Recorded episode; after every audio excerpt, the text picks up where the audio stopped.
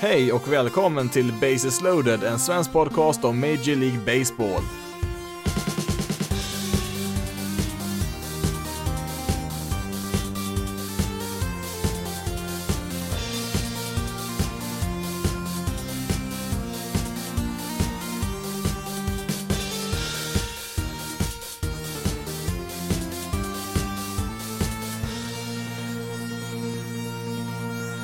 Hej och välkommen till veckans avsnitt av Bases loaded, en svensk podcast om Major League Baseball. Och eh, detta är då första avsnittet eh, där säsongen eh, på riktigt är igång här. Ja, tekniskt sett hade man väl spelat någon match i förra, förra avsnittet då, men eh, nu ska vi i detta avsnitt då fokusera på vad som faktiskt har hänt under de här 10-11 dagarna vi har spelat här, alltså en och en halv vecka lite drygt. Det är ju inte speciellt mycket matcher egentligen, men med säsongen som den är så är det faktiskt en sjättedel av årets matcher som har spelats nu.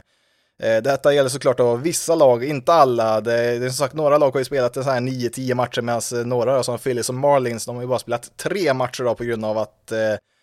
en del lag har drabbats av eh, positiva fall av covid-19, lite för många i vissa fall då, men det kommer vi in på lite senare.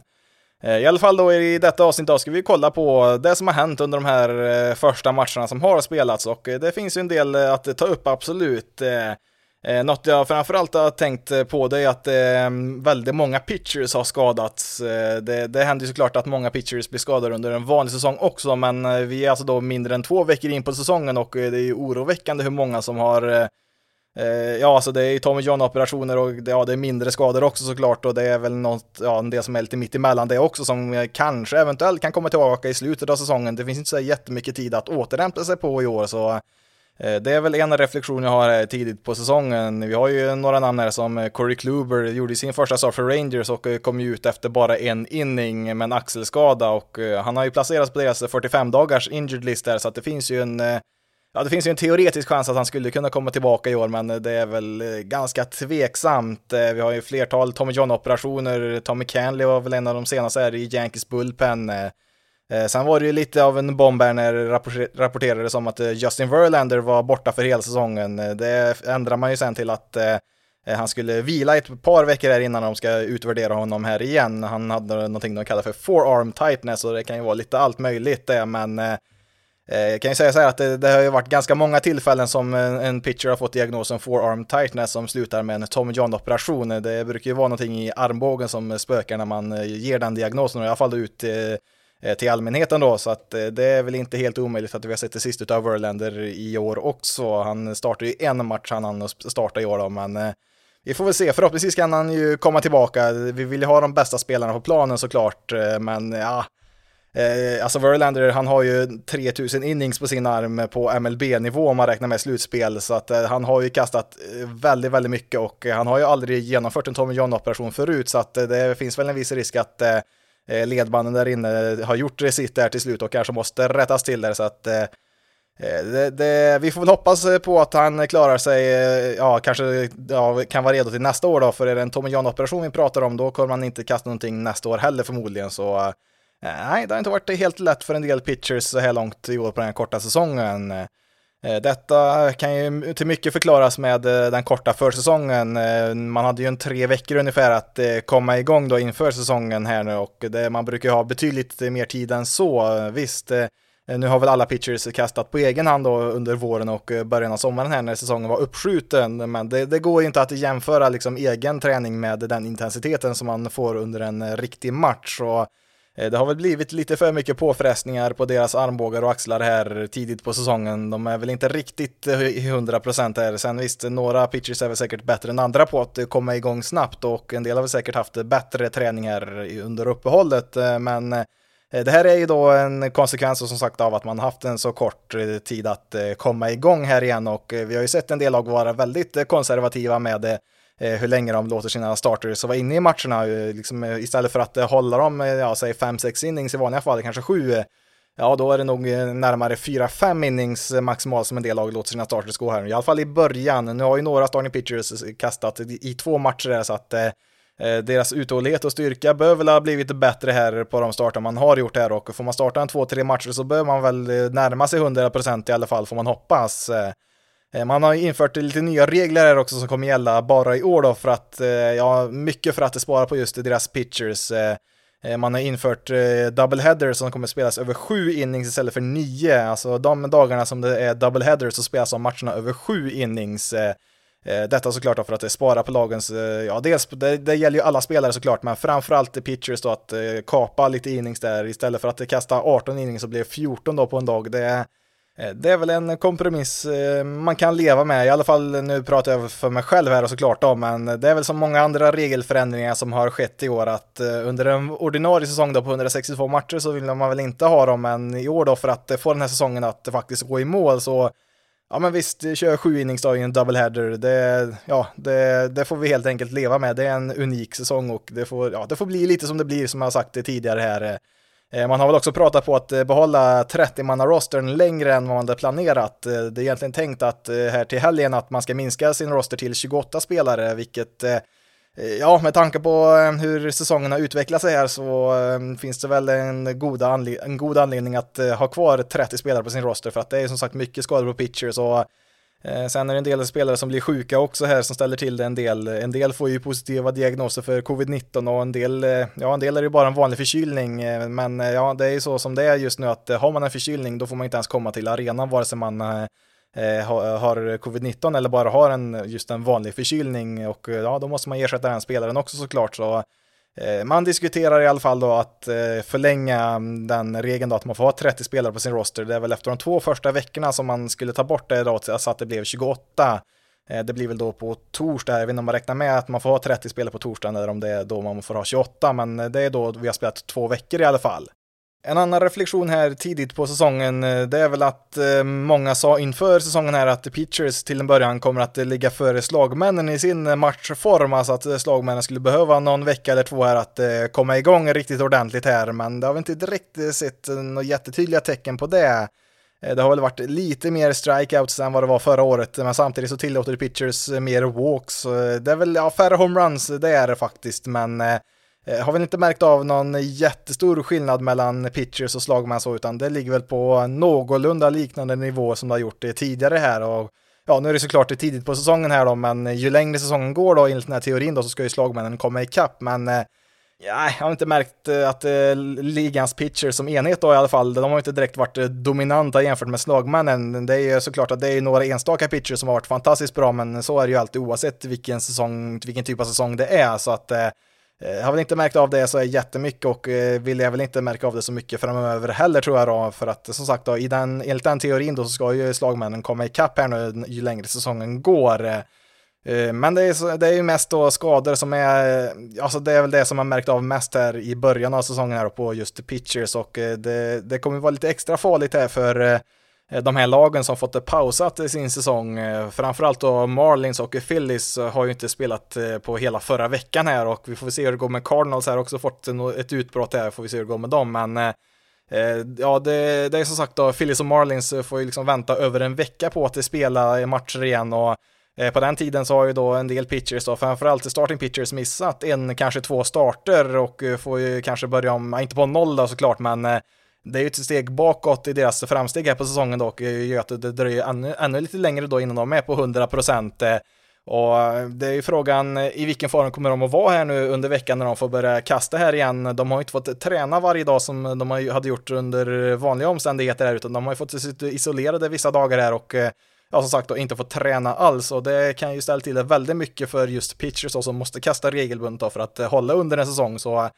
det, man är väl lite grann i farozonen här, framförallt då till en början med Marlins och Phillies pitchers här, får vi se hur de kan hantera det här när de kommer tillbaka under veckan också, får vi se här, Cardinals det väl också få eh, Ja, de kanske också får en veckas uppehåll där, så att det, det, det, är en utmaning såklart där och eh, det, ja, eh, det är ju lite som det är, det är den här säsongen. Eh, de här lagen som har missat eh, matcher nu får ju också spela fler double headers än vanligt, så att Eh, Eh, det kan bli en påfrestning det också, så att eh, vi får väl se lite grann hur det ser ut där framöver, men eh, det, det har varit ganska tufft att vara en pitcher i MLB säsongen 2020 så här långt. Vi flyger vidare till Toronto, eller ja, rättare sagt blir det väl Buffalo får vi säga här. Jag glömde ju nämna det i förra avsnittet att eh, när jag pratade om Blue Jays där att de kommer inte att få spela sina hemmamatcher i Toronto. Det sa ju kanadensiska staten nej till. Eh, Eh, de var väl inte så jättepositivt inställda till att flyga in massa lag eh, som eh, befinner sig i USA. Det är nämligen så att Kanada har väl varit betydligt bättre på att begränsa spridningen av coronavirus där jämfört med USA, så att det blev ett nej där och nästa plan var ju då att spela i Pittsburgh, de flesta matcherna i alla fall då på Pirates hemmaarena där, PNC Park. Och Ja, det såg ut att det i stort sett var klart där, men då sa ju delstaten där, Ohio, nej till, nej inte Ohio, det är Pennsylvania är det som de ligger i där som, nej de sa att det räcker med att vi har Pirates här och att eh, de spelare vill inte ha in ett lag eh, till här som eh, riskerar att föra smittan hit, så att det blev ett nej där och man vill ju helst då spela på just en Major League-arena och man försökte väl även där med Baltimore ett tag där att få, få spela där, men det, det gick inte heller hem. Så att det fick bli i Buffalo då som, ja dels geografiskt så ligger ju det ganska nära Toronto och det är dessutom då Eh, den, eh, den arena som deras AAA-lag spelar på, Buffalo Bison, så eh, den arenan är ju inte riktigt klar än, den ska väl spelas på 11 augusti här är väl deras premiär på den arenan. Det är ju så att de behövde ju bättre ljus där för, ja inte för planen i sig de kunde ju spela på planen där men det är väl just för tv-sändningarna så behövde de lite bättre ljus där som de måste installera. Sen så behöver de lite större omklädningsrum där också som ska kunna hantera då ja, de kraven som finns nu då när man måste ha större avstånd då mellan spelarna och så. Så att eh, det är lite grann att, eh, ja, att eh, fixa där innan, innan arenan är klar. Och, ja, lite udda blev det här också då när de fick spela hemmamatcher då mot Nationals då på Nationals Park. Alltså de var hemmalaget då mot Nationals fast det var på Nationals arena. Så att Eh, ja, så Blue Jays, de slog ju sist som hemmalag gör, de hade sina hemmatröjor och de fick ju spela deras musik och sånt där, så att ja, det var en liten udda syn såklart, men Eh, det är bättre det än att eh, behöva skjuta upp matcher och spela liksom en massa double headers här i september eller något sånt där, så att eh, det är, det är sådana lösningar man, man får hitta på under en sån här säsong. Sen skulle man ju spela mot The Phillies här under helgen som gick, men ja, nu var det lite ja, lite utbrott där av covid-19 som ställde till det i, dem, i, i spelschemat där för dem, så att det var väl, jag vet inte om man ska säga tur i oturen är väl kanske lite, lite fel ord att välja här, men det är väl, Eh, det, det löser sig med arenasituationen just i helgen här i alla fall då för Blue Jays. Eh, de, de ska väl resa vidare och spela lite eh, andra matcher i veckan här då, men ja, det är väl typiskt tecken för säsongen 2020, säsongen där precis allt kan och förmodligen kommer att hända, men ja, trots det så har de väl börjat rätt stabilt här på säsongen. Inte så att de toppar divisionen på något sätt här, men de är Ja, de har väl gett lite mer motstånd än vad man kanske hade förväntat sig här och eh, har väl fortfarande ett slutspelshopp här när säsongen summeras här i september sen. Here it comes. That's just what he did and he got a swing and a miss from Correa to get out of the inning. Oh, Joe. Joe Kelly strutting his way off after an interesting inning. All right, so the benches have cleared, and we'll do our best to maintain social distancing while still sending a message. Den största snackisen på planen, det är helt klart vad som händer mellan Dodgers och Astros. Ehm, och eh, det, ja, det här är ju första mötet då mellan de här två lagen efter att eh, sign stealing-skandalen blev känd här i vintras och eh, den var ju som, alltså de fuskade väl som mest under säsongen 2017 vad vi vet i alla fall vad som kom ut till allmänheten då, men det var ju då man vann sin World Series-titel mot just Dodgers och Eh, ja, det var väl bara en eh, tidsfråga innan någonting skulle hända och eh, ja, det var i första matchen som det hände här. I alla fall steg ett, får, får vi se om det blir något mer här framöver. Det var ju då Dodgers reliever Joe Kelly som fick för sig att nej, det är dags för lite revansch här, behöver straffa Astros-spelarna lite grann och Visst, Astros-spelarna kom väl undan väldigt lätt med det fusket de ändå gjorde här, det gjorde de absolut. Men Kelly tänkte att Eh, nej, får ta det här i egna händer här då och eh, han, eh, ja, han var ju ganska vild i den här matchen när han kom in här. Han hade ju väldigt svårt att pricka strikezonen, eh, kastade väl tre balls i rad där mot eh, Bregman och ja, alltså 3-0 mot Alex Bregman slutar ju sällan bra för en pitcher så att Kelly tänkte väl att kan jag väl passa på här då när situationen förmodligen ändå är förlorad här och att skicka ett meddelande här till Bregman och Astros och kasta en boll som susar förbi Bregmans huvud. Eh, den gick väl eh, bakom honom där tekniskt sett där, men det var liksom en fastball på 96 där han skickade iväg som var en riktig rejäl projektil som kom där och Uh, ja, alltså jag har ju sett en del försöka förklara bort det att äh, det är ingen som vet vad Kelly tänkte där. Han var ju ganska vild den här matchen, så det är möjligt att den här bollen bara, att han tappar den lite grann där och den uh, eh, flög iväg lite snett där, men det, Ja, man får vara väldigt naiv för att tro på den förklaringen. Eh, visst, det, det är ju bara han som innerst inne vet vad han eh, tänkte i den situationen, men eh, samtidigt, det är inte första gången som Joe Kelly håller på med sånt där heller, så att jag har extremt svårt att kunna se någon på, ja, på ett övertygande sätt förklara bort det här som en olycka. Lite senare då där i samma inning så kastar han en boll som nästan prickar Carlos Correa där, han har väl duckat undan där. I det läget så är det väl lite mer osäkert vad, Eh, vad Kelly hade för avsikt med, den, med just det kastet. Eh, det, ja, det var en breaking ball dessutom då som eh, ja, går lite saktare då. Och eh, sen så var det ju även så att man hade lite base runners på där från Astros sida. Så att det var väl inte direkt i läge att liksom riskera att förlora matchen bara för en sån grej där, så att det är, ja visst, det kan jag köpa att det, det kanske inte var meningen, men samtidigt, eh, som sagt, det, är inte första gången Joe Kelly håller på med sånt här, så att eh, man ska väl inte räkna bort det helt och hållet att, eh, att det var meningen det heller, men ja, i vilket fall som helst, eh, eh Kelly strikar sen ut Correa där eh, strax efter det och eh, i samband med det så hånar väl han Correa där med lite väl valda ord och ja, Correa och ja, resten av Astros lag där var väl inte så jätteförtjusta i vad han sa där och det är ju så här när man inte har någon riktig publik där heller att eh, i stort sett varenda ord hörs ju ganska tydligt vad de säger där så att eh, Astro-spelarna, de eh, kom ju ut där och eh, ville ta sig ett snack där med eh, Kelly där med hans kommentarer där och ja, väldigt roligt att se faktiskt att alltså det blir inte så här traditionellt alltså att man kommer ut där och samlar sin hög där och knuffas kanske och håller i varandra lite grann där utan det är ju så här i år att man måste ju hålla avståndet så att de stod ju lite, ja jätteutspridda var de väl inte men Eh, de stod ju ändå i varsin klunga där och eh, hade väl lite avstånd eh, mellan sina lagkamrater också där, så att ja, det var lite lustigt att se. Som sagt, säsongen 2020 bjuder på lite annorlunda saker, minst sagt. Som resultat då så blev ju Joe Kelly avstängd i åtta matcher, en ganska rejäl avstängning och det motiverar man väl dels med att ja, det ja, kasta mot huvudet avsiktligt, alltså det är väl främst mot Bregman där man syftar då, kanske inte då mot Correa då, men eh, Eh, det i sig är ju värt avstängning. Man kan alltså, alltså visst, även om man tycker att eh, Astros-spelarna förtjänar mer, mer straff, det kan jag hålla med om, så kan, man kan inte ha spelare som kastar en eh, alltså potentiellt livsfarlig projektil rätt mot någons huvud. Alltså det kan ju i värsta fall leda till permanenta hjärnskador, ja det kan bli värre än så också såklart. Eh, eh, så att det är klart, man kan inte ha spelare som håller på så, det är klart man måste stänga av dem. Sen visst, åtta matcher, det är ganska mycket, men han har ju som sagt varit avstängd förut för att ha ställt till bråk och sånt där, så att eh, Eh, det är väl ett, eh, ja det är väl också liksom att man får ju trappa upp lite grann att eh, fortsätter man med, med samma straffbara beteende så ja, då får man väl öka straffet också, men Ja, jag har sett väldigt mycket protester mot just, mot just åtta matcher. Jag tänker väl så här att visst, om man isolerar just den här händelsen och inte tänker på någonting runt omkring, Ja, åtta matcher det är en hel del, men jag tänker samtidigt en spelare som kastar mot någons huvud, den, ska, den får faktiskt ta en, en stor avstängning. Alltså det är livsfarligt, det är det. Är, Eh, alltså jag vet att det är en tradition som går långt bak i tiden att eh, kasta på motståndare för att straffa dem för ja, lite allt möjligt som man tycker inte har gått rätt till, men det, alltså det är ju så det är så onödigt, det är så extremt farligt kan det bli. Alltså om vi tar Joe Kelly som exempel här, han kunde inte pricka strikezonen så att om man då istället då ville kasta på någons revben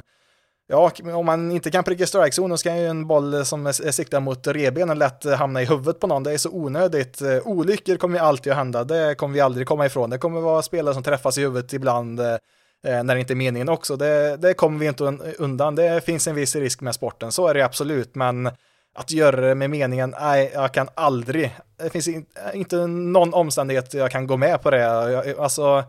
Eh, det är nästan som att en del tycker man måste ta sida här, antingen att man måste heja på Astros eller heja på Joe Kelly här. Man kan ju, varför inte istället att tänka att båda, båda är idioter här alltså. Eh, man kan eh, tycka illa om Astros för deras fusk och det ska man väl också såklart. Det, det är ingen som helst fråga om. Samtidigt kan man tycka att det som Joe Kelly gjorde här är fel också. Alltså båda parter kan ju ha fel, alltså bara för att Astros gjorde något dumt så ger inte det Joe Kelly någon ursäkt att bete sig som ett svin på planen heller.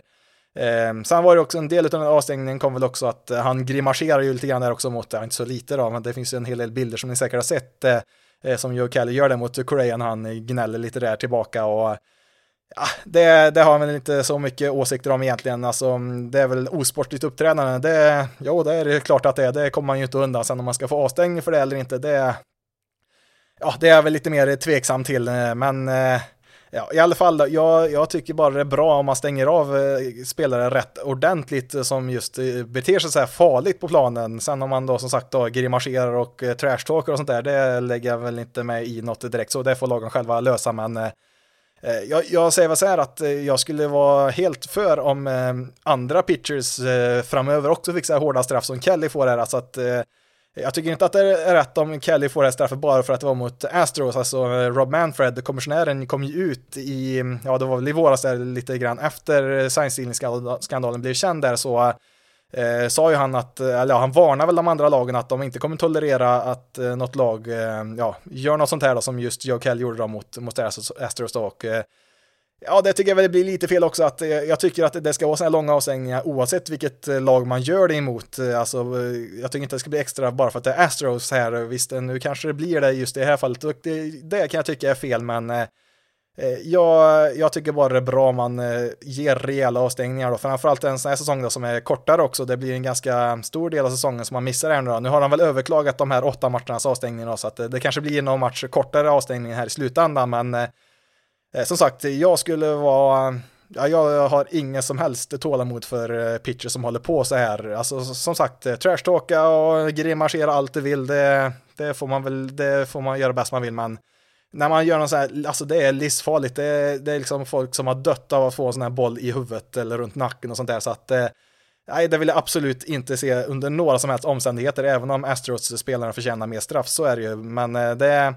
Eh, då får man eh, klaga på kommissionären där, Rob Manfred, att han inte, eh, att han inte straffade dem hårdare. Nu gav han dem immunitet, så han kunde ju inte straffa dem då, men eh, eh, i alla fall då, bara för att eh, någon gjorde fel i vintras eh, kring Astros så betyder det inte att det Joe Kelly här gör okej okay heller. Alltså, eh, jag ser ju att det är många som hyllar honom som en hjälte här, men jag har absolut noll sympati för honom här. Alltså, hade det stannat vid trash talking och grimaser och sånt, visst, det, det hade jag inte sagt någonting om alls, men eh, alltså svaret eh, på att Astros fuskade och eh, kanske fick ett lite för dåligt straff, det är inte att det svarar med att det riskerar att ge dem permanenta hjärnskador eller potentiellt ta livet av dem, för det är liksom det vi pratar om här. Det räcker med, liksom med att en enda boll kommer lite oturligt och träffar någonstans där hjälmen kanske inte riktigt täcker, ja, då kan vi liksom ha Eh, den värsta skadan eh, på en baseballplan på liksom hundra år och det, det, får liksom bara inte hända. Därför så, alltså jag hoppas verkligen att eh, de inte sänker straff för en enda match, att han får sitta de där åtta matcherna som han har fått här nu för att det är ett beteende som inte hör hemma på planen. Alltså det, eh, alltså jag förstår att folk är förbannade på Astros och eh, vill se, se att någon hämnas på dem. Alltså jag förstår den känslan, men alltså att eh, kasta liksom en stenhård boll rätt mot huvudet, det, det är inte svaret eh, på, på hur man ska lösa det. Alltså det nej, jag har absolut noll sympati som sagt för Joe Kelly. Jag hoppas som sagt att han får sitta av varenda match här. Jag ska lägga till här också att eh, Dodgers manager eh, Dave Roberts eh, fick en match avstängning här också. Ehm, det brukar väl vara så att eh, lagens managers får väl, ja de brukar ju i sådana här situationer få en match avstängning de också då, för att de hålls väl ansvariga för vad ja, för vad, vad laget gör på planen så, så att de ska väl eh, Ja, det är väl ett sätt för att försöka få dem att eh, förhindra att eh, sådana här saker händer såklart, även fast de inte är direkt inblandade. Däremot så kan jag väl tycka att Astros manager Dusty Baker borde väl också ha fått en match där för att just i år så vill man ju inte ha spelare för nära varandra och ja, som jag nämnde, tekniskt sett så när de kom ut där för sina dagar så stod de väl någorlunda långt ifrån varandra, hade väl lite avstånd där, men Eh, Eh, det ser inte så jättebra ut i sådana här tider när man vill att folk ska hålla avstånd, att man stormar ut på planen där och ställer sin stor hög där. Eh, kanske inte riktigt lika tätt som vanligt då, men jag tycker att eh, ja, man borde väl kanske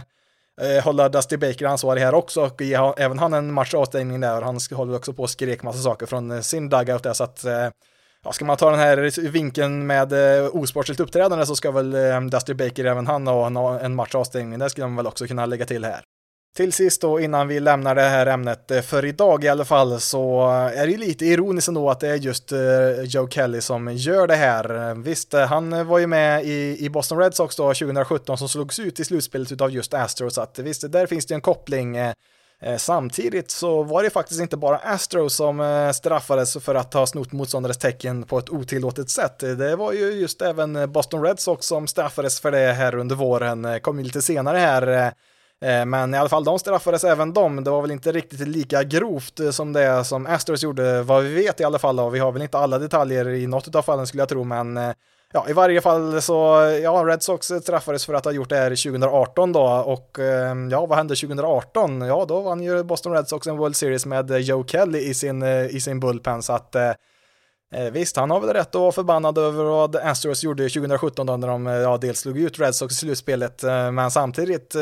den där ringen han har på fingret, det kom ju delvis med hjälp av, ja, ska jag inte säga samma fusk, men liknande fusk som Red Sox gjorde då 2018 när Ja, de slog ut just Houston Astros i slutspelet. Som sagt, det är väl ingen som riktigt vet exakt hur effektivt fusket var för båda lagen och ja, exakt vilka matcher de användes i, men ja, just Joe Kelly ska väl vara lite försiktig innan han eh, eh, yttrar sig i, i de här sammanhangen för att eh, han har ju även han då dragit nytta av eh, sitt lags fusk i liknande sammanhang.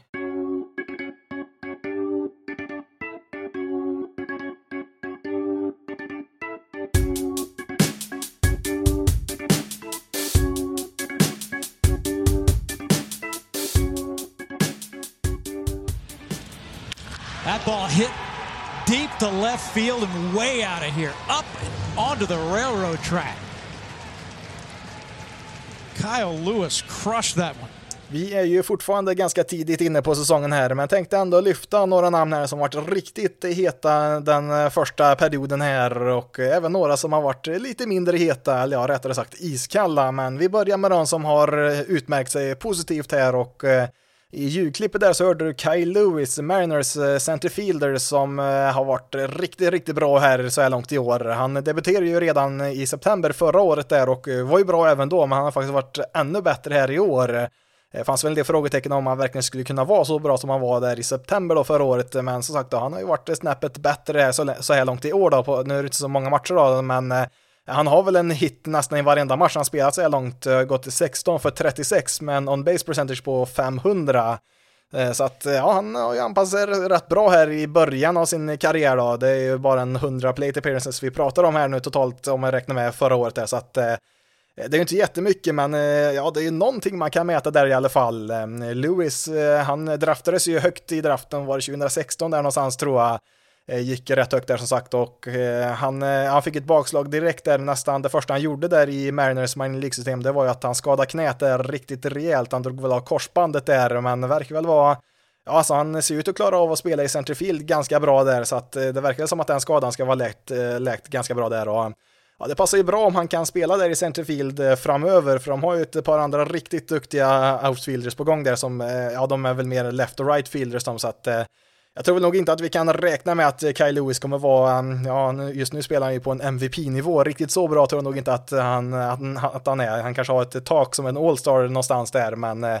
eh i vilket fall som helst, eh, riktigt positiv start för honom här på säsongen och ja, Mariners hänger väl med rätt bra här de första matcherna. Det är inte så att de direkt eh, toppar tabellen där i, i, i American League West eller så, men de är inte tvärsist heller. Eh, när man kollar på, ehm, ja, på alla statistik och sånt så eh, ligger ju Kyle Lewis med där uppe i, i toppen på eh, ja, nästan allting där. Eh, det är väl Mike Jastrzemski ligger också högt upp där, Giants outfielder som eh, Ja, han var ju också en överraskning förra året han, så att eh, ja, det är ju Lewis och Jastrzemski som är MVPs nästan i, i respektive liga så här långt. Eh. The pitch is hit near toward right, pretty deep. Conforto to the now. We're tied. It's a home run. The Braves down to their last strike. Get a lightning bolt from Marcel Ozuna. Stir it up Marcel. We're tied at two apiece. Marcel Ozuna är en annan outfielder som haft en väldigt bra start på säsongen. Var lite tveksam till honom här innan säsongen började om han verkligen skulle ja, klara av att fylla tomrummet här efter Josh Donaldson i Braves. Men eh, så här långt så har han ju varit en klockren värvning här för Atlanta och Eh, visst, det är många matcher kvar att spela innan vi vet eh, exakt hur säsongen kommer att se ut för Osuna här, men eh, det ser ju onekligen bra ut här till en början. Han är väl fortfarande lite tveksam i sitt försvarsspel, har ju fått vara deras designated hitter här någon match och så, men ja, överlag så har han ju varit en väldigt bra värvning så här långt och Braves som lag har väl startat ja, lite som förväntat. De, de har väl vunnit ungefär så mycket man kan förvänta sig här och Eh, det ser väl ut som att de ska kunna mm, ja, hålla ett ganska bra grepp om den här första platsen i divisionen. Eh, det, ja, det är väl de som ser bäst ut eh, helt klart så här långt. Det är det ju. Sen har ju en del lag där inte spelat så många matcher då, så att det är väl inte helt klart hur det ser ut i divisionen där, men ja, det, det, ser väl ut som att Braves ska kunna mm, fixa det här när säsongen summeras här. Det eh, var väl en liten överraskning här de hade när Mike Foltynewicz, deras starting pitcher, de eh, DFA honom, alltså designated for assignment eh, gjorde man på honom där, alltså att man eh, plockar bort honom från deras eh, 40-man roster och det innebär ju att vilket lag som helst eh, kan lägga in ett waiver claim där och få honom gratis. Ja, de får ju betala hans lön och så, men att de får ju plocka in honom till deras organisation då utan att ge något utbyte då till Braves och det var faktiskt inte ett enda lag som locka, lockades till att eh, plocka in honom där och eh, det, det säger ju en hel del för att 2018 så var ju Foltynewicz eh, han var en All-star och eh, deras eh, klart bästa pitcher. Förra året så eh, hade han en bedrövlig start där, fick ju hoppa ner i deras eh, minor League-system där och spela lite grann då innan han ja, till slut då kom tillbaka upp senare på året där och kastade rätt bra där. Startade ju två slutspelsmatcher, en riktigt bra där och sen så var det ju Ja, det var ju han som startade den där match 5 där mot Cardinals när allt rasade i första inningen där då, men i alla fall då så ehm, under sommaren här så har han tappat rejält med hastighet eh, på sin fastball. Det har väl gått från att kasta 95-96 till att ha problem att den komma upp i 90 så att någonting är det som inte stämmer där. Eh, det var väl lite av en chock ändå att man gör det här redan efter bara, alltså efter bara en enda match här så eh, någonting är som inte riktigt är rätt där med Foltinevic. men ja, nu ska vi inte fokusera på det negativa här, utan vi anmärker väl att Braves har startat bra här och framförallt Marcelo Zuna har ju varit stekhet. Now the 0-2. Swing and a miss. Chased one in the dirt. Leon throws to first to complete the strikeout. And Shane Bieber, with 13 strikeouts, has tied the major league record held by Carl Spooner since 1954. They both have had 27 strikeouts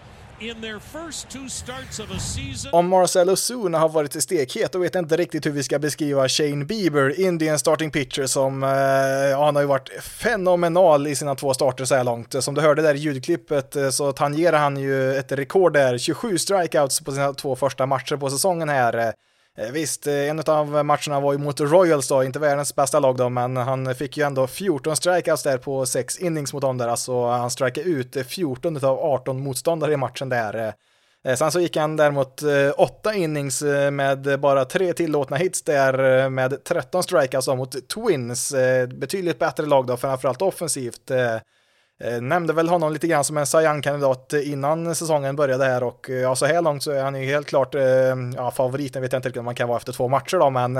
han är väl den pitchen, i alla fall i American League, som har inlett det bäst här. Fantastisk bra inledning här. Är bara 25 år och har ju fyra år kvar innan han blir free agent då efter den här säsongen, alltså fyra säsonger till då efter säsongen 2020.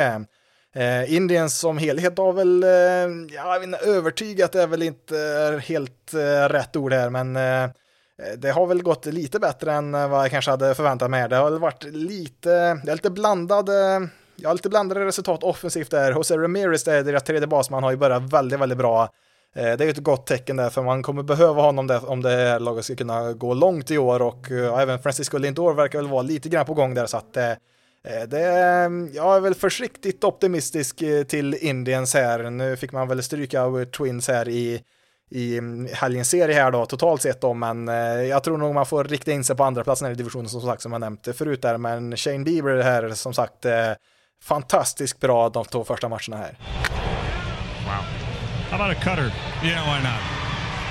So that's 10 strikeouts through five innings for Tyler Chatwood. Att eh, Shane Bieber skulle ha en bra säsong i år, det är väl ingen överraskning. Eh, däremot så är väl eh, Tyler Chatwood lite av en överraskning så här långt i år. Cubs starting pitcher som även han har två bra starter i år. Inte riktigt på Bieber-nivå då, men han har fortfarande kastat 12 och två tredjedels innings med bara en tillåten run. Eh, visserligen då har han gjort det mot Pirates och Brewers, två lag som har varit ganska svaga offensivt eh, så här långt då, så att eh, det får man väl ta för vad det är värt, men eh,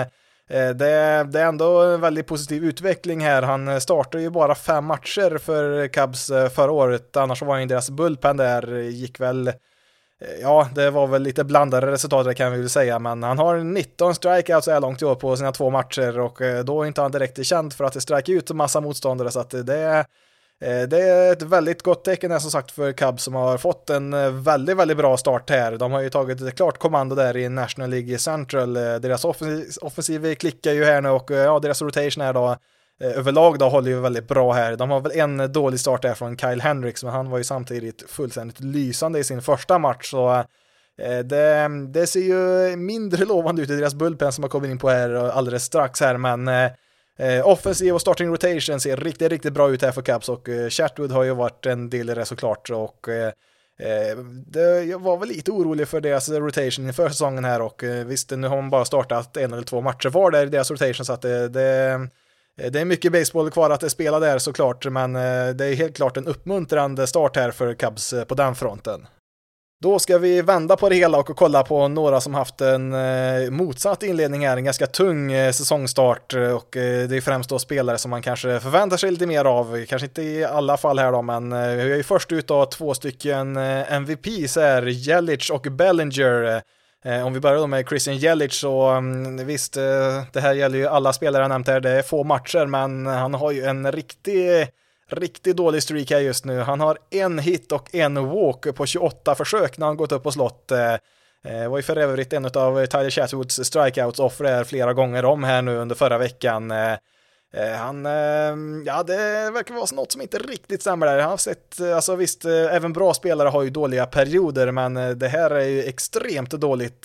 för en spelare som Jelic. Eh, han var ju, ehm, nu vet jag inte, kanske ändrade sig lite grann, han hade faktiskt sämst wins above replacement i hela MLB där ett eh, tag. Kan kanske vara någon som har gått eh, förbi honom där, men ja, så wins above replacement är väl ingen jättebra ehm, statistik att använda över så här få matcher. Det är det absolut inte, men det säger ju en del om hur, hur, hur dålig hans inledning har varit och det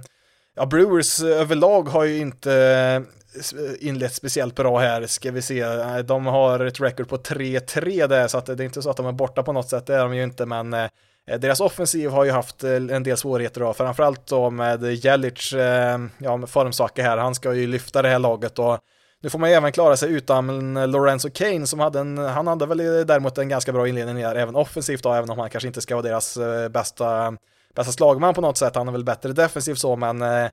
Ja, lite trög start har det varit för Brewers. Ehm, det har varit betydligt bättre start för Dodgers då, eh, men inte för Bellinger här då. Han har ju varit marginellt bättre än eh, Jelic. Han har ju, ehm, han har 4 för 32 har han gått där och hans batting average och on base percentage börjar fall med siffran 1 då istället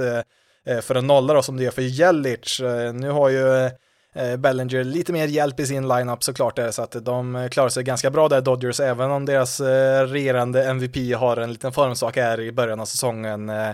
Gäller som sagt, det är han som måste bära Brewers för att de ska ha någon chans där och jag glömde väl nämna det med Lorenzo Kane, anledningen till att han inte finns kvar här nu det är att han nu har valt att inte fortsätta spela i år på grund av coronaviruset där, inte att så att han är drabbad eller så men Fick väl en, eh, ja, var väl inte en veckaklocka där när de skulle spela mot The Cardinals här i helgen eh, när de drabbades av flera fall där och eh, fick ställa sin match där. Då kände väl han att eh, nej, jag tar nog och hoppar över det här året och eh, kommer tillbaka nästa år där istället. Så att eh, Dodgers som sagt, de klarar sig ganska bra ändå här, men Brewers, eh, ja, det, de har väl bara spelat sex matcher eftersom de har fått lite inställda matcher här då, men det är, det är långt ifrån någon optimal start där såklart för dem. Nästa man upp är Craig Kimbrell, Cubs, eh, ja, är han en closer fortfarande? Det, det är väl väldigt tveksamt. Eh, hade väl förväntat sig att han skulle vara lite bättre än han var förra året i alla fall. Det var ju lite kaos där förra året när han fick en så sen start på säsongen. Han eh, skrev skrev på kontrakt först, eh, ja, mitt i sommaren där och eh, ja, det gick ju inte bra förra året eh, för att uttrycka det milt och eh, det har väl fortsatt på samma spår så här långt i år. Det är bara två matcher vi pratar om som har varit med, men ja, i första matchen där så fick han väl bara en out men tillät väl en fyra walks. Och nästa match där så tillät han väl en fyra runs eh, och fyra walks där med ett par homeruns så han har inte en enda strikeout så här långt på de här två matcherna. Så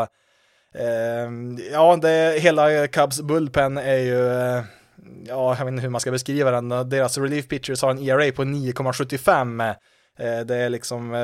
ja, det, de ligger helt, helt enkelt i en klass för sig själv. Det är inte något lag som ens är i närheten av att ha så en så dålig ERA på sina relief pitchers. Eh, som tur är så har ju deras starters då, som jag nämnde förut här, eh, haft en bra start på säsongen då, så att de har väl kunnat äta upp lite extra innings där för att eh, det är ju ett äventyr varje gång de kommer in på planen, deras relievers. Ingen ledning är en säker ledning för Cubs när deras bullpen får ta över. Och Eh, ja, som sagt, de har ju haft, eh, om man ser till helheten så har det varit en väldigt bra start för Cubs, men eh, det blir ju väldigt svårt att fortsätta så här bra om deras bullpen inte förbättrar sig nämnvärt. Framförallt om de då skulle krångla sig in i ett slutspel. Trots de här besvären så har ju ingen som helst möjlighet att se dem gå långt med deras nuvarande relievers i den formen som de är just nu. Även deras walks är ju helt katastrofala, så de tillåter ju Ja, det är ingen bullpen som är i närheten där heller att eh, tillåta så mycket walk som Cubs har gjort här, så att eh, någonting måste ju hända där för att eh, det ska kunna bli en lyckad säsong i år för Cubs. Till sist vill jag nämna mm, Red Sox Rotation som helhet är. Det är väl, ja, till skillnad från Jelic och Bellinger så är väl Red Sox Rotation kanske inte en enhet man direkt förväntar sig jättemycket av i år, men vill ändå nämna dem här för att det har sett bedrövligt ut där. ERA eh, på 6,87 där hade man eh, ja, inför helgen här och eh, Eh, man är sämst i hela ligan när det gäller strikeouts och mm, ja, deras bullpen i alla fall ligger väl i mittenskiktet i ligan så att det där är väl ingen katastrof, men just deras starting rotations är ju alltså, mm, ja, Orioles är ju sämsta laget i, i divisionen. Det, det, håller jag väl fortfarande kvar vid att de är. Samtidigt så slog väl Orioles Red Sox, mm, eh, de tog väl två av tre matcher mot dem där, men eh, Eh, jag börjar bli väldigt orolig för Red Sox säsong här nu när, när man ser eh, faktiskt hur dålig deras rotation har varit här. Det är ju sämre än förväntat ändå eh, och då fanns ju inte jättemycket förväntningar till en början med man fick ju dessutom nyheten där att Eduardo Rodriguez blir borta resten av säsongen. Det hade man väl nog egentligen räknat med tidigare också där. Han drabbades av hjärtinflammation där i samband med att han fick covid-19 där. Det har varit lite komplikationer i samband med det där så att Eh, man säger väl att det ska väl, han är väl okej okay, alltså att han, det kommer bli bra. Det är inte någon fara så sett eh, vad vi vet just nu, men just i år kommer han inte kunna kasta någonting i MLB-sammanhang, utan han får eh, komma tillbaka till nästa år kollar vi på vad som finns kvar här då så ja, det är inte mycket. Det är Nate Eovaldi där, han har haft två bra starter, eller ja, det, han har väl kastat fem och sex innings så att han har ju inte så att han har briljerat på något sätt, det har han ju inte, men han är den enda som har ger i under fem, och de flesta har ju tvåsiffrigt här, nu är väl säkert någon av de här en eh, opener också, har inte exakt koll på allihop här, och ja, det är väl det det är inte jättemånga namn man känner igen här. Det är Eovaldi och eh, Martin Perez där som, eh, som ändå är etablerade mm, Major League-pitcher. Ja, man har ju Zach Godley där, han har väl kastat lite grann, men ja, det, mest, det, det säger sig självt. Han fick inte ens plats i Tigers eh, 30-manna-roster och eh, han ska hoppa in här och starta för Red Sox istället, så eh, alltså ehm, på ett sätt, är det någon säsong eh, man ska vara dålig så är det väl kanske den här säsongen då. Så det är väl bättre att vara ett av ligans sämre lag på en kortare säsong jämfört med en säsong på 162 matcher. Så att är man ett lag som inte har någon chans i år som man inte tror att Red Sox kommer att ha med sin rotation här så mm, visst, det, man kanske vinner på det i längden att eh, inte försöka för mycket heller här och kanske få ett eh, högt eh, draftpick här till nästa år och eh, sen, eh, ja, så det finns ju ganska mycket kvalitet i deras lag eh, ändå här, det gör det ju, så det är inte så att man ligger eh, jättelångt ifrån att eh, kunna ha ett slagkraftigt lag igen, det krävs absolut en del, men det finns ju ändå liksom eh, en hel del allstars i det här laget och framförallt då bland deras slagmän då är det väl då, man behöver lite förstärkning bland, bland deras pitchers, men Eh, Eh, man får ju tillbaka då Rodriguez nästa år och eh, förhoppningsvis kommer väl Chris Sale tillbaka någon gång under nästa säsong också då så att eh, eh, det, ja, som sagt, är det något år som man kanske ska ha en lite, lite, lite sämre år och kanske tillhöra bottenskiktet så ja visst, varför inte den här säsongen då, en, som är kortare då, det blir mindre lidande om man säger så, men ja, jag börjar bli orolig om, om man säger så för Red Sox här. Jag hade väl kunnat tänka mig att Ja, en tredjeplats hade väl inte varit orimligt i divisionen här, men jag tycker att Blue Jays så här långt har ju varit betydligt eh, bättre än Red Sox, eller ja, betydligt bättre än väl kanske ta i, men eh, eh, alltså eh, som det ser ut just nu, jag skulle inte vara helt chockerad om till och med Orioles skulle ta sig förbi det här laget i tabellen när säsongen summeras. Eh, jag tror väl inte det, men det är inte Ja, det är fortfarande inte eh, helt orimligt, vilket säger en hel del, så att Eh, återigen, det är en del matcher kvar att spela, men eh, det här blir nog en säsong att glömma för Red Sox-fansen.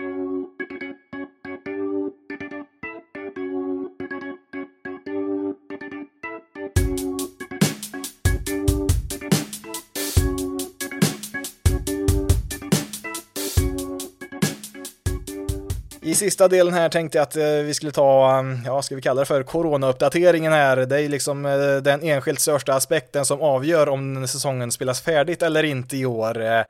det har ju inte varit helt felfritt här i början. Det, ja, det började ju redan innan själva säsongen började med lite tester som inte fanns på plats och så. Det var en del lag som inte kunde träna där innan alla testerna var på plats. Eh, nu har man väl löst just det i alla fall, men eh, det är ju andra problem här också, framförallt då när det är så att eh, det är spelare som får en positiv diagnos för covid-19, alltså att de är drabbade. Det, det innebär att de med stor sannolikhet även har kommit i kontakt med andra personer då inom sitt lag där som kanske också har fått viruset då och det kan ju ta några dagar ibland innan eh, man får ett eh, positivt utslag, så man vet ju aldrig riktigt hur långt det sprider sig och eh, det har ju inte minst då Miami Marlins fått uppleva. De fick ju reda på där inför förra helgen där att några spelare hade fått en positiv diagnos och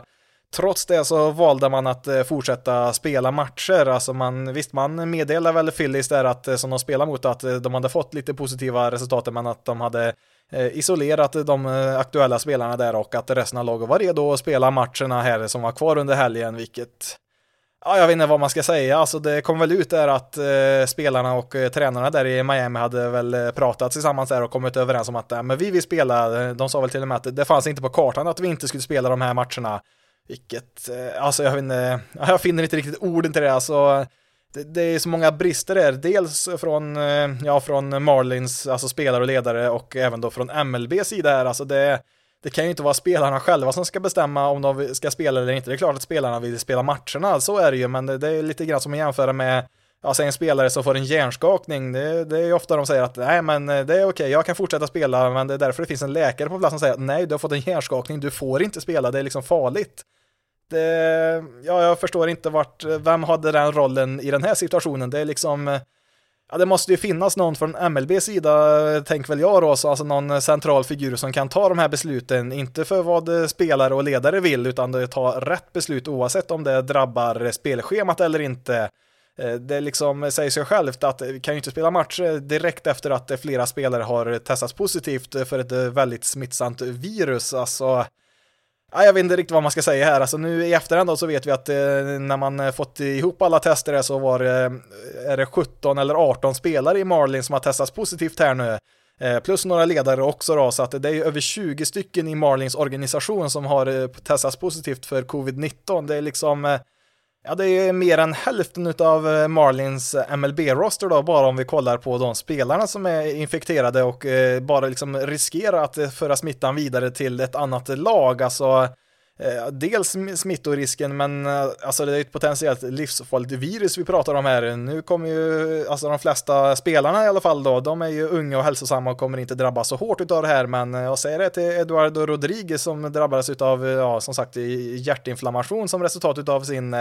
eh, diagnos av covid-19 där alltså det blir komplikationer i samband med det så att det kan ju gå väldigt illa även för de här spelarna och jag tänkt på alla tränare och eh, personal runt omkring. Det är inte så att alla de är liksom eh, 25-30 år utan det är liksom eh, en 60-70-åringar en del av de här som ska behöva leva i, ja, i den här situationen och då måste man ju ta de här situationerna mycket mer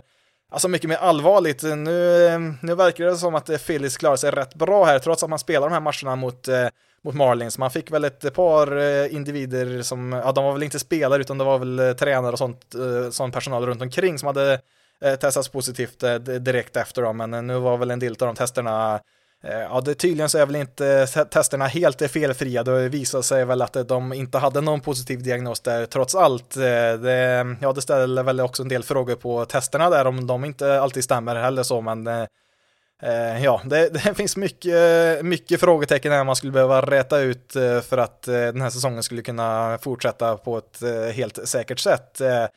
Ja, nu finns det väl inget som är 100% säkert såklart. Det, det blir ju så här när man ska resa från stad till stad, alltså man jämför dem med NHL och NBA, de, de spelar ju liksom i sina bubblor som de kallar det. De är ju på en eller två ställen där de kan isolera sig själva i sin egen lilla värld och spelar Eh, det är ju lättare att eh, kontrollera smittan eh, i, ja, i en sån miljö. De här lagen ska ju som sagt i MLB då, ska ju flyga runt till alla möjliga städer och spela. Då, ja, det är en ökad risk såklart. Det är ju att, det, det är ju, men man, Ja, man måste vara mer varsam alltså. Jag tror säkert inte att vi har fått vårt sista fall av covid-19. Det tror jag är orealistiskt att förvänta oss, men man måste, alltså visst, man får väl se det positiva i det hela. Man har väl kanske lärt sig en läxa här nu från den här situationen då med Marlin som har tappat halva laget här nu i, ja, vem vet hur länge. Eh, Cardinals eh, åkte ju också på lite eh, positiva diagnoser här i, var i fredags det och eh, där, ja, där stoppar man ju direkt eh, man, ja, man ställde ju in serien där mot Brewers, ja, man tog väl dag för dag där gjorde man ju såklart, men Eh, det var väl en tre, fyra spelare som testades positivt där och sen kom det väl något mer där på lördagen också med eh, eh, personal runt omkring. Jag har sett lite, ja, lite olika rapporter med hur många det är, men man har positiva fall i alla fall i Cardinals som gör att de kommer att Ja, jag vet inte hur länge de får pausa där, men Marlins och Phillies fick ju inte spela en enda match förra veckan här nu, så att det är väl något liknande man får vänta med Cardinals här nu. De måste ju testa Eh, alla andra spelare här nu och se till att eh, smittan inte har spridit sig längre här nu och det kommer ju kräva några dagar här utav negativa test på de här spelarna för att eh, vara helt säkra på att smittan inte finns hos dem också innan det är säkert för dem att fortsätta spela. Eh, som sagt, eh, det, det, finns ju ingen garanti att den här säsongen kommer att spelas färdigt. Eh, absolut inte om fler lag drabbas av det som hände med Marlins här. Det är en sak om ett och kanske två lag får halva laget med en positiv diagnos, men skulle det liksom bli en hel division, ja då, då får vi nog börja prata på allvar här om man verkligen ska spela klart den här säsongen eller inte. Eh, det är, mm, ja, rent sportsligt så är det också ett problem här. Marlins då, de hade ju faktiskt en rätt fin start här på säsongen, tog två av eh, tre mot eh, Phillies och såg väl faktiskt rätt skapligt ut på planen där. Nu har man ju däremot då fått ja, lägga in ett waiver claim på i princip varenda spelare de hittar. Alltså, de har ju lite spelare på sin 60-manna roster, men alla de är ju inte direkt ja, MLB-kaliber på de spelarna, så att man har ju fått försöka plocka in varenda marginell spelare man kan hitta som ja, möjligtvis skulle kunna höra hemma i, på en MLB-roster så att eh, det är ju ett himla, mm, ja, ett himla pussel att få ihop en roster som ska kunna spela matcher. De ska väl spela den här veckan när det är tänkt, eh, så får vi se exakt vilket lag man kan ställa upp med, men eh, eh, ja, det kan, ju inte, det kan ju inte hända fler gånger om den här säsongen ska kunna mm, fortsätta på ett vettigt eh, sätt här. Och det är ju Ja, det ligger väl på alla inblandade parter här att göra bättre ifrån sig. Alltså MLB måste ju sätta ner foten ordentligt här och eh, verkligen ta de här besluten eh, när, det, när sådana här situationer uppstår. Man kan inte lämna de besluten till, eh, till lagen och spelarna själva. Det, det funkar liksom inte och det verkar väl som att man har tagit till sig det i alla fall nu då och agerar mycket snabbare när Cardinals drabbades av en del, en del fall här, men Eh, Eh, det ligger ju också på, på spelarna här också att eh, göra sitt här. Alltså, vi har ju sett en hel del spelare liksom ignorerat ehm, ja, säkerhetsreglerna som finns för att eh, förhindra vidare smittspridning här. Alltså, visst, det är väl lätt att glömma bort sig ibland, det är det ju, men det har ju liksom varit väldigt mycket, alltså de firar walk-offs som vanligt, alltså man ställer sig i en stor hög tillsammans vid hemplattan där och firar, det nej, det är inte direkt att hålla avstånd till varandra. Det är liksom det high fives har de ju också varit väldigt mycket i början här. Nu har man väl blivit lite bättre på det efter de här fallen har rapporterats här, men eh, ja, det, alltså det kan tänka på hur många, hur många brott mot de här, eh, ja, vad ska jag säga, riktlinjerna som har gjort när kamerorna är på dem. Kan vi tänka, ja, hur, hur går det till när kamerorna inte finns eh, framför dem där? Vad, vad för sig går då? Ja, det kan man ju bara spekulera i, men ja, det har ju funnits en del rykten här också, ska jag väl poängtera på att det är just rykten att eh, Framförallt när det gäller Miami Marlins så har det väl sagts att eh, ja, någon har väl påstått att eh, vissa spelare har varit ute på nattklubb och någon har väl suttit i hotellbaren liksom ute bland massa folk och sånt där. Och det är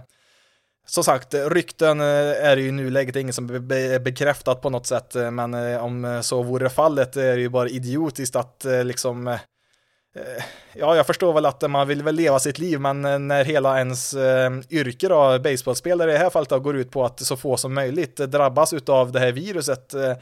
ja, då kanske man får ta, avstå vissa saker då, som att befinna sig där det finns mycket annat folk då som kan bära på just det här viruset. Det sades väl också att någon Cardinals-spelare eventuellt hade varit ute på någon kasino innan det här hade hänt och mm, ja, det hade väl även funnits bilder på några spelare som hade befunnit sig i stora folksamlingar ja, ja, som sagt, det, det är rykten, eh, det, det är det. Det är liksom ingenting vi kan eh, veta säkert än så länge i alla fall och även om eh, allt det här skulle visa sig vara sant så är det ingen garanti att smittan kom in via just de tillfällena. Det kan ju hända på hundra olika sätt såklart, men Ja, man måste vara extra, tänka efter lite extra mycket i tider som dessa och det gäller ju såklart alla inblandade här i hela MLB, liksom ägare, kommissionär, tränare, Eh, spelare och andra ledare som finns runt omkring. Alltså alla har ju sitt eget ansvar att ta här och eh, Alltså det, det, går ju inte till 100% att eh, spela den här säsongen helt säkert. Det, det, går inte, men man måste göra så gott man kan här och man kan väl göra bättre. Det tror jag nog de flesta är överens om. Nu som sagt ska ju Marlins och Phillies vara i spel den här veckan då, så får vi väl se hur lång, lång tid det tar för Cardinals innan de är, är med här igen. Eh, men eh, det, det, blir ju ett, eh, ja det blir som sagt ett sportsligt tapp också för både Phillies och Marlins här som Ja, som jag pratade om i början av avsnittet där, deras pitchers framförallt, de har ju fått uh, suttit ganska stilla här nu i en vecka och uh, de har ju inte fått träna varje dag heller som jag nämnde där. Det, uh, varje gång de får ett positivt test så måste de isolera allihop, liksom. De får inte ens gå ut och träna utan de får sitta snällt i sitt hotellrum där och vänta. Eh, var ju för övrigt en eh, story där kring eh, ja, alla de som hade fått en positiv diagnos där i Marlins. De vill ju inte låta dem sitta kvar där på hotellet eh, i Philadelphia som de var då och Ja, de skaffade ju då den så kallade coronabussen där och bussade hem alla de där 18 timmar till Miami. Det kan väl inte varit jättekul att få uppgift och och köra den bussen, men ja, de tog sig hem där till slut och ja, resten av Miamis lag där ska väl resa vidare till jag vet inte vart det är de ska vara härnäst. Jag vet inte om de skulle spela mot eh, Philadelphia igen här nu eller hur det var, men eh, eh, ja, jag ser de har en serie här mot varandra här i Miami. Den börjar på tisdag här. Det såg fortfarande att den är uppskjuten. Får vi se hur det blir med det, om det kommer andra beslut där eller inte. Men ja, de är på, på gång in i spel i alla fall. Um, ja, jag tänkte inte ta något mer om det nu, utan um, ja, det, det är såklart tråkigt att tänka på, men eh, det är liksom eh, det är de här villkoren vi har för att eh, få ha en säsong i år. Man måste sköta det här på ett ganska strikt sätt. Annars så blir det ju som Ja, Manfred var väl, han pratade väl med spelarfackets president där och sa väl att blir det inte någon bättring här nu den, närmaste tiden så kanske han tvingas att ställa in säsongen eller pausa den åtminstone och ja, det blir väldigt svårt att få igång en säsong igen Eh, om man tvingas ta ett eh, längre avbrott här. Det kommer väl däremot att bli så här att eh, alla lag kanske inte nödvändigtvis kommer att spela exakt 60 matcher. Det beror på hur många mer matcher man flyttar eller ställer in här. Det blir väl istället så att man får kolla på mm, vinstprocenten för att avgöra vilken plats man får i tabellen. Det har man ju gjort andra år också när det har blivit förkortade säsonger då, framförallt då när det har varit Eh, olika strejker som har kortat ner säsongen lite grann och eh, det har ju då gjort att ja, en del lag spelar lite mindre matcher och mm, då, då har man avgjort istället med eh, ja, vinstprocenten där så att när man summerar den här säsongen kanske man ser att vissa lag kanske har spelat 52 matcher, någon har spelat ja, 58 och någon kanske fick med alla 60 där. Det, det, det återstår att se som sagt hur, hur det blir med det, men eh, jag tror nog som sagt att vi ska vara glada om man kan ta hela den här säsongen i mål. Sen får man väl eh, ha lite översyn med hur, hur exakt det ser ut eh, på vissa punkter. Det, det är som det är i år. Man får helt enkelt anpassa sig till eh, hur världen ser ut det här året. Det, det, är bara att gilla läget och vara tacksam så länge som det fortfarande spelas baseball i MLB. Ja, då får det räcka där för detta avsnitt. Eh, får det tyvärr avsluta på en lite negativ ton där, men eh, det är, det är så som det ser ut just nu. Eh, I alla fall positivt att man kunde få prata om lite baseball på planen i alla fall. Det var ju länge som man kunde göra det, så att man får väl ta det lilla positiva man kan hitta och som man nämnde här på slutet, man får vara tacksam för det spelet som faktiskt blir. Sen kanske inte ser ut exakt så som man önskar att det hade sett ut, men ja, vi har inte direkt råd att vara kräsna just i år när det gäller det, så um, Eh, det återstår väl bara att säga tack så mycket för att ni har lyssnat på det här avsnittet. Eh, kommer fortsätta då som sagt försöka få ut ett avsnitt eh, per vecka här och mm, ni kan följa med i ja, lite olika sociala medier som Basis Loaded finns på, bland annat eh, Instagram, Facebook och eh, Twitter. Ja, det är väl de tre som vi finns på här. Eh, då letar du upp Basis Loaded SE eller så klickar du på länken eh, som finns i beskrivningen här till alla de ställena. Det finns även en till Facebookgrupp, eh, MLB Fans Sweden, som eh, jag också har hand om där. Det är mer en grupp för ja, all, allt möjligt folk att få göra sina egna inlägg och diskutera lite allt möjligt. Facebook-sidan för Basis Loaded det är ju mer för den här podden och ja, lite grann från hemsidan och lite sånt där, lite nyheter och så. Sen finns det då som sagt MLB Fans Sweden som Ja, vi är nästan uppe i 500 medlemmar där nu som, ja, där man kan diskutera lite allt möjligt om MLB, där man kan göra sina egna inlägg och sådär. Så att Eh, gå gärna med där om ni vill eh, diskutera lite grann om MLB. Sen finns ju även lite folk på hashtaggen MLBSC kan man också hitta lite eh, personer som diskuterar MLB på svenska om man vill engagera sig lite mer än att bara lyssna på podden här och kan även mejla till basisloaded.se.gmail.com. Du får även jättegärna betygsätta och skriva omdöme om den här podcasten eh, på, ja, där du lyssnar på, eh, på podcast helt enkelt. Vissa podcastappar och sånt tillåter det, vissa inte, men har du tid och lust att göra det så eh, vore jag jättetacksam om du gjorde det för att det hjälper andra att hitta den här podcasten. Men nu har jag pratat tillräckligt för idag. Mitt namn är Jonathan Fabri. Tack så jättemycket för att du har lyssnat på detta avsnitt av Basis loaded. Ni får ha det så bra där ute så hörs vi i nästa veckas avsnitt.